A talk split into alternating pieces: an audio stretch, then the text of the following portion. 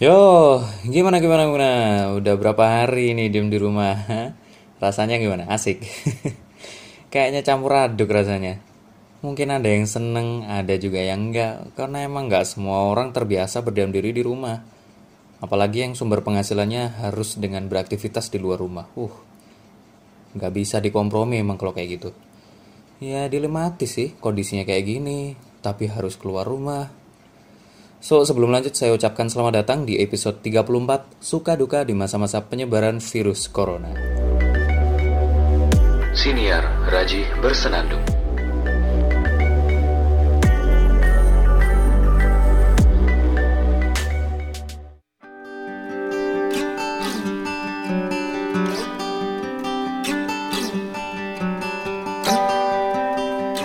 Bagi Anda yang baru aja mampir di podcast ini, perkenalkan, saya Raji Araki, penjaga gawang di Siniar atau podcast Raji Bersenandung. Podcast ini berisi tentang segala bentuk opini, sharing cerita-cerita kehidupan seorang Raji Araki. Meskipun jelas tidak semuanya saya ceritakan di sini, karena yang saya bagi adalah kisah yang sebisa mungkin berguna sebagai pelajaran untuk orang banyak. Dan juga mungkin kritikan, kritikan dalam bentuk apa pun. Demi perubahan sosial yang positif sih, semoga. anyway, selama masa-masa penyebaran virus corona kayak gini, emang lebih baik stay at home. Tapi saya sendiri nggak melarang Anda yang memang butuh banget dan harus banget keluar rumah. Ya, saya tuh siapa juga nggak punya hak untuk melarang juga. Karena tiap orang juga punya urusan masing-masing kan ya. Macem-macem lah. Apalagi Anda yang memang sumber penghasilannya harus didapat dengan aktivitas di luar rumah. Ini yang memang gimana lagi gitu. Asal tetap kudu hati-hati aja dan jaga diri semaksimal mungkin. Ikut uh, saran-saran yang sudah disampaikan lah. Saya yakin di semua di mana-mana di media sosial baik WhatsApp, Instagram, Twitter mungkin pasti ada penanganan-penanganan bukan penanganan tapi lebih ke pengarahan gitu. Bagaimana kita tetap bisa menjaga diri sebisa mungkin semaksimal mungkin untuk terhindar dari penyebaran virus corona meskipun harus beraktivitas di luar. Sebenarnya yang bikin saya pribadi ngeri sama virus ini tuh kalau sampai meninggal. Itu ngeri banget. Bukan meninggalnya sebenarnya yang horor tapi cara dimakaminya nyentuh aja nggak boleh loh. Soalnya bakal ketularan virus kalau kita sentuh ngeri sih beneran. Habis itu harus dibungkus plastik tertutup. Gimana gitu rasanya?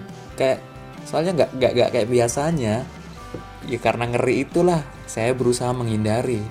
Masih hidup gini aja saya pribadi berusaha buat nggak ngerepotin orang lain. Meskipun ujung-ujungnya memang sering repotin memang.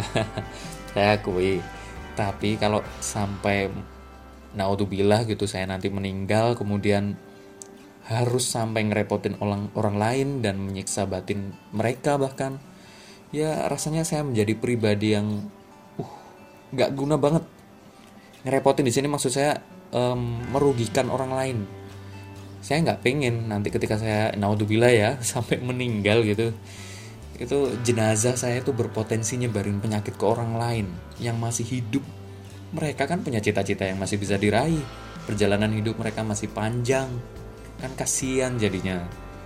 Masa iya gue ngajakin orang lain buat mati kayak gue? Nggak mungkin kan? Harus ya akhirnya saya berusaha untuk menghindari. Jadi sampai hari ini saya tetap memilih untuk isolasi diri aja. Saya khawatir tiba-tiba saya nularin orang atau saya ketularan orang tiba-tiba nggak tahu kan? Cuma ya kalau mau keluar ya seperlunya aja. Seperlunya kalau misalkan mau beli nasi atau beli bahan pokok gitu ya kebutuhan seperlunya aja So, ngomong-ngomong soal masa-masa penyebaran virus corona dan isolasi diri ini emang ada suka dan ada dukanya. Ketika penyebaran virus, virus corona kayak gini, mau nggak mau kita yang yang nggak harus keluar rumah ya, memang harus stay di rumah. Kalau udah isolasi diri di rumah, di kamar mungkin kita bisa melakukan hal-hal yang menurut saya sih menyenangkan. Mungkin karena saya terlalu terbiasa dengan berdiam diri di rumah ya anak rumahan ya sebenarnya ada hal yang menyenangkan yang bisa kita lakukan ketika isolasi diri kayak misalkan kita bisa melakukan aktivitas-aktivitas baru di luar kebiasaan kita. Ya, semacam bentuk penyegaran lah buat diri dan otak. Soalnya mau nggak mau kan tubuh kita melakukan hal lain gitu, hal baru di luar kebiasaan kita. Mungkin biasanya kalau tiap pagi pergi ke kantor, pulang-pulang sore atau malam gitu terus kondisi udah capek banget gitu. Tinggal tidurnya gitu aja kan biasanya aktivitas tiap hari.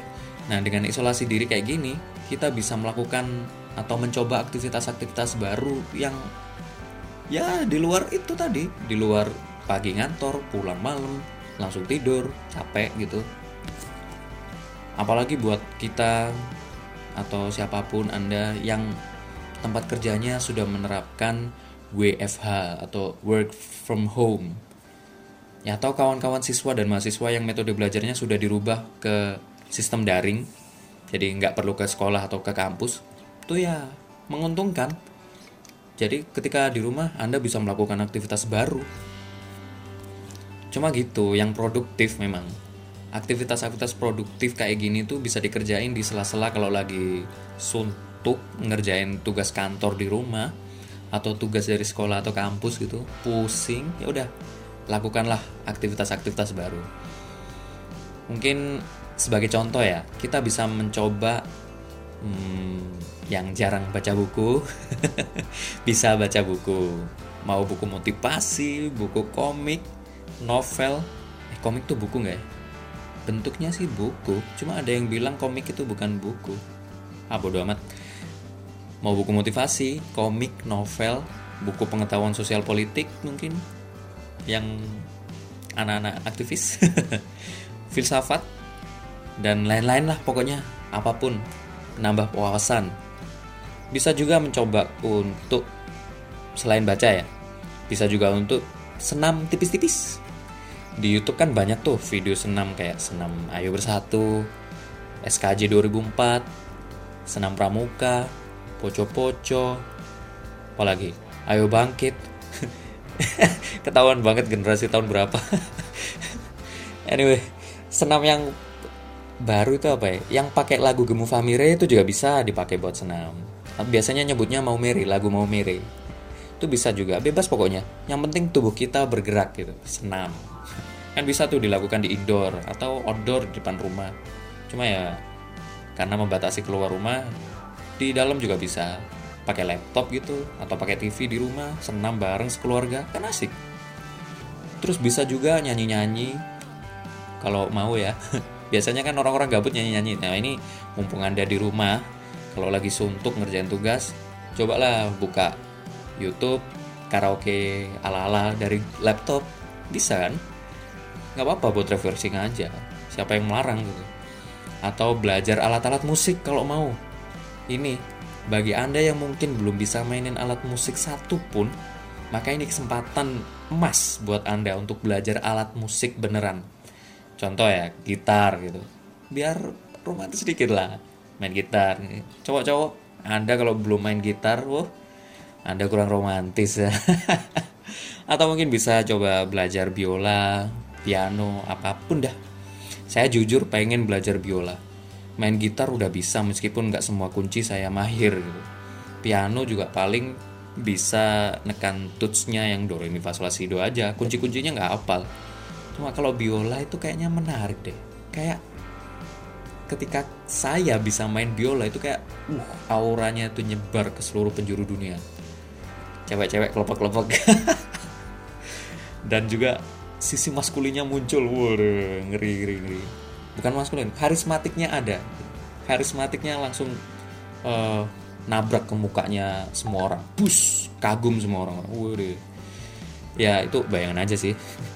Punya cita-cita gitu buat bisa belajar biola. Tapi entahlah beli biolanya aja belum bisa. Gampang itu.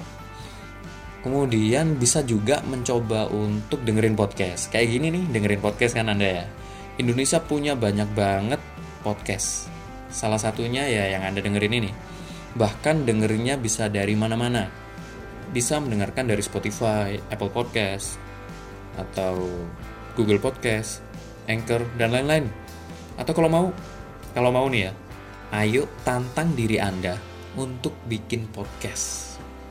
Bisa loh, gampang kok. Gak percaya? Ini, cuma modal HP, ngomong, terus direkam, gitu aja. Habis itu diupload. Habis itu sebar linknya ke mana-mana. mudah, mudah banget. Nanti kapan-kapan saya bikin episode khusus buat bikin podcast. Ya, semoga ingat lah. Yang penting caranya itu tadi gampang, gampang banget. Dulu saya pertama nge-podcast itu pakai SoundCloud loh.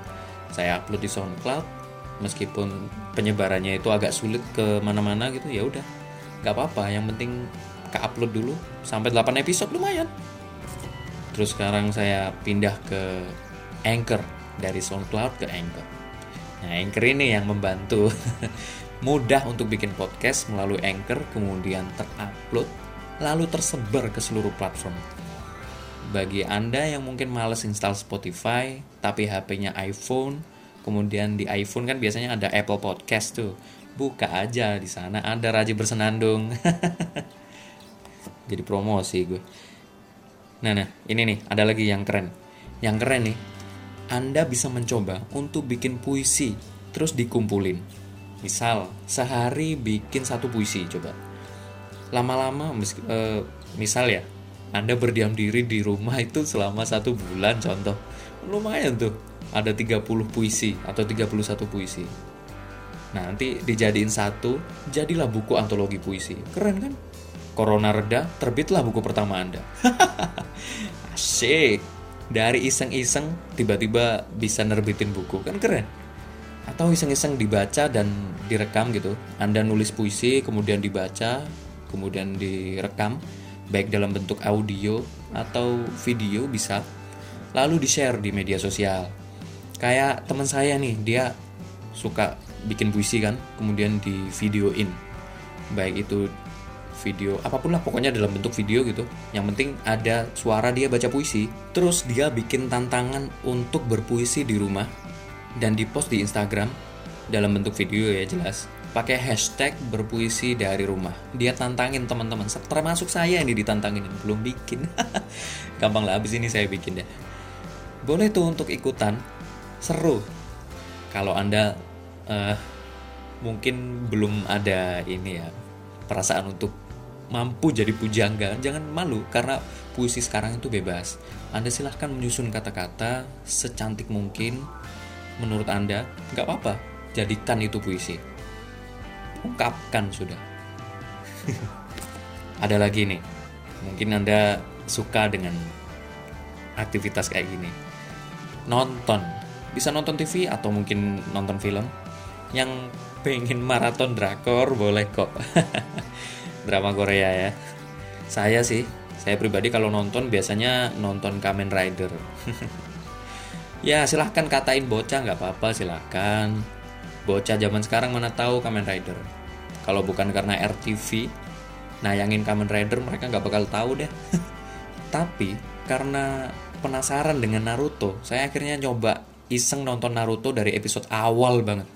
Eh ternyata seru, seru banget ternyata, unik ada seriusnya petualangannya serius eh, ngeluarin maksudnya bertengkar gitu ngeluarin jurus kan. Itu seru pertarungannya gitu maksudnya.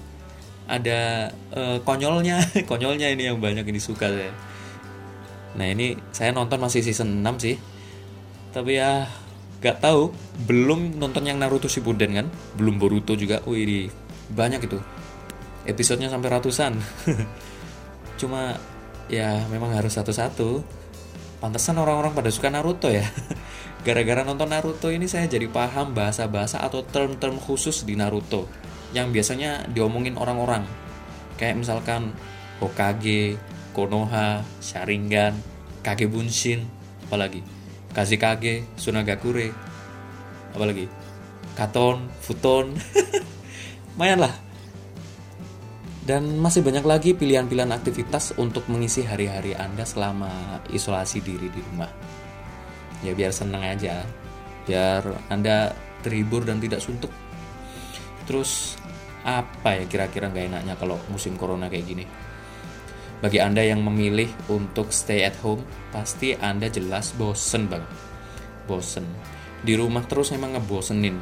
saya akui gimana enggak tiap hari ketemu tembok kamar ruang tamu laptop orang-orang rumah. Ditambah lagi makin hari jumlah kasus virus corona makin meningkat. Meskipun jumlah orang yang sembuh juga bertambah cuma perbedaannya kan jauh ya. Yang kasusnya kasus coronanya meningkatnya drastis sedangkan yang sembuh juga meningkat tapi pelan-pelan meningkatnya. Nggak seimbang dengan jumlah kasus yang semakin bertambah itu orang-orang juga jadi makin cemas makin banyak yang panic buying dan makin kehabisan bahan-bahan pokok atau kebutuhan-kebutuhan lain. Sabun juga makin cepat habis ketersediaannya di toko-toko. Masker apalagi sama hand sanitizer. Makin langka dan makin mahal. Nggak enak kan? Entah apa yang salah. Kompleks kayaknya permasalahan di Indonesia. ini tenaga medis juga makin berusaha sekuat tenaga. Sebenarnya kasihan saya sama teman-teman atau saudara-saudara kita yang jadi tenaga medis. Mereka berjuang sekuat tenaga buat nanganin virus corona. Tapi eh, nggak semuanya lancar. Bahkan ada berita kalau ada salah satu tenaga medis diusir dari tempat tinggalnya. Karena warga khawatir ketularan virus. Ih, aneh juga warga nih. Gimana sih? Nggak baik lah kalau kayak gitu tuh tenaga medis juga paham kali kalau dia terjangkit virus mereka paham dengan sendirinya kalau dirinya itu terjangkit virus selama dia tidak terjangkit virus dan bisa melindungi diri berarti kan aman-aman aja orang-orang di sekitarnya juga harus taat ajakan untuk jaga jarak biar aman. Gitu aja. Warga juga harus taat untuk jaga jarak. Social distancing atau sekarang WHO bilangnya physical distancing. Gitu aja. Ngapain harus sampai ngusir orang? Apalagi tenaga medis ini yang diusir. Mereka hatinya di mana coba? Duh, ini barbar sih. Sama-sama ngadepin musuh bersama kok. Musuh bersama kita kan corona. Kok malah menjatuhkan kita itu? Nggak kerjasama. Aneh. Udah kalau dibilangin buat nggak keluyuran malah tetap keluyuran. Susah dibilangin gitu. Anyway, yang penting nggak perlulah kita saling menyakiti di masa-masa darurat kayak gini. Udah nggak perlu. Kita harus tetap kerjasama tapi nggak harus ketemuan deh. Nggak apa-apa social distancing atau physical distancing demi menghadapi corona. Apalagi sampai kayak gitu tadi tuh uh jangan sampai jangan sampai. Kelewatan itu udah. Bahkan susah banget sih dinasehatin itu orang-orang tuh. Buat nggak nggak ada di kerumunan itu susah banget. Heran gue biar nggak ngopi itu uh, sulit banget. Lagu pula kalau mikirin gak enaknya terus nggak bagus kan ya ya psikis kita nanti kena. So ajakan-ajakan kayak gitu jangan dipikir negatif. Nanti kalau dipikirnya negatif psikis kita yang kena. Kalau psikis kita yang kena ya sakit itu akan makin mudah datang. Kekebalan tubuh kita juga berpengaruh gitu. Mending nih mending. Daripada saling menjatuhkan kemudian berusaha menyingkirkan saudara kita dengan rasa ego yang sangat tinggi mending kita lakuin apa yang bisa kita lakukan.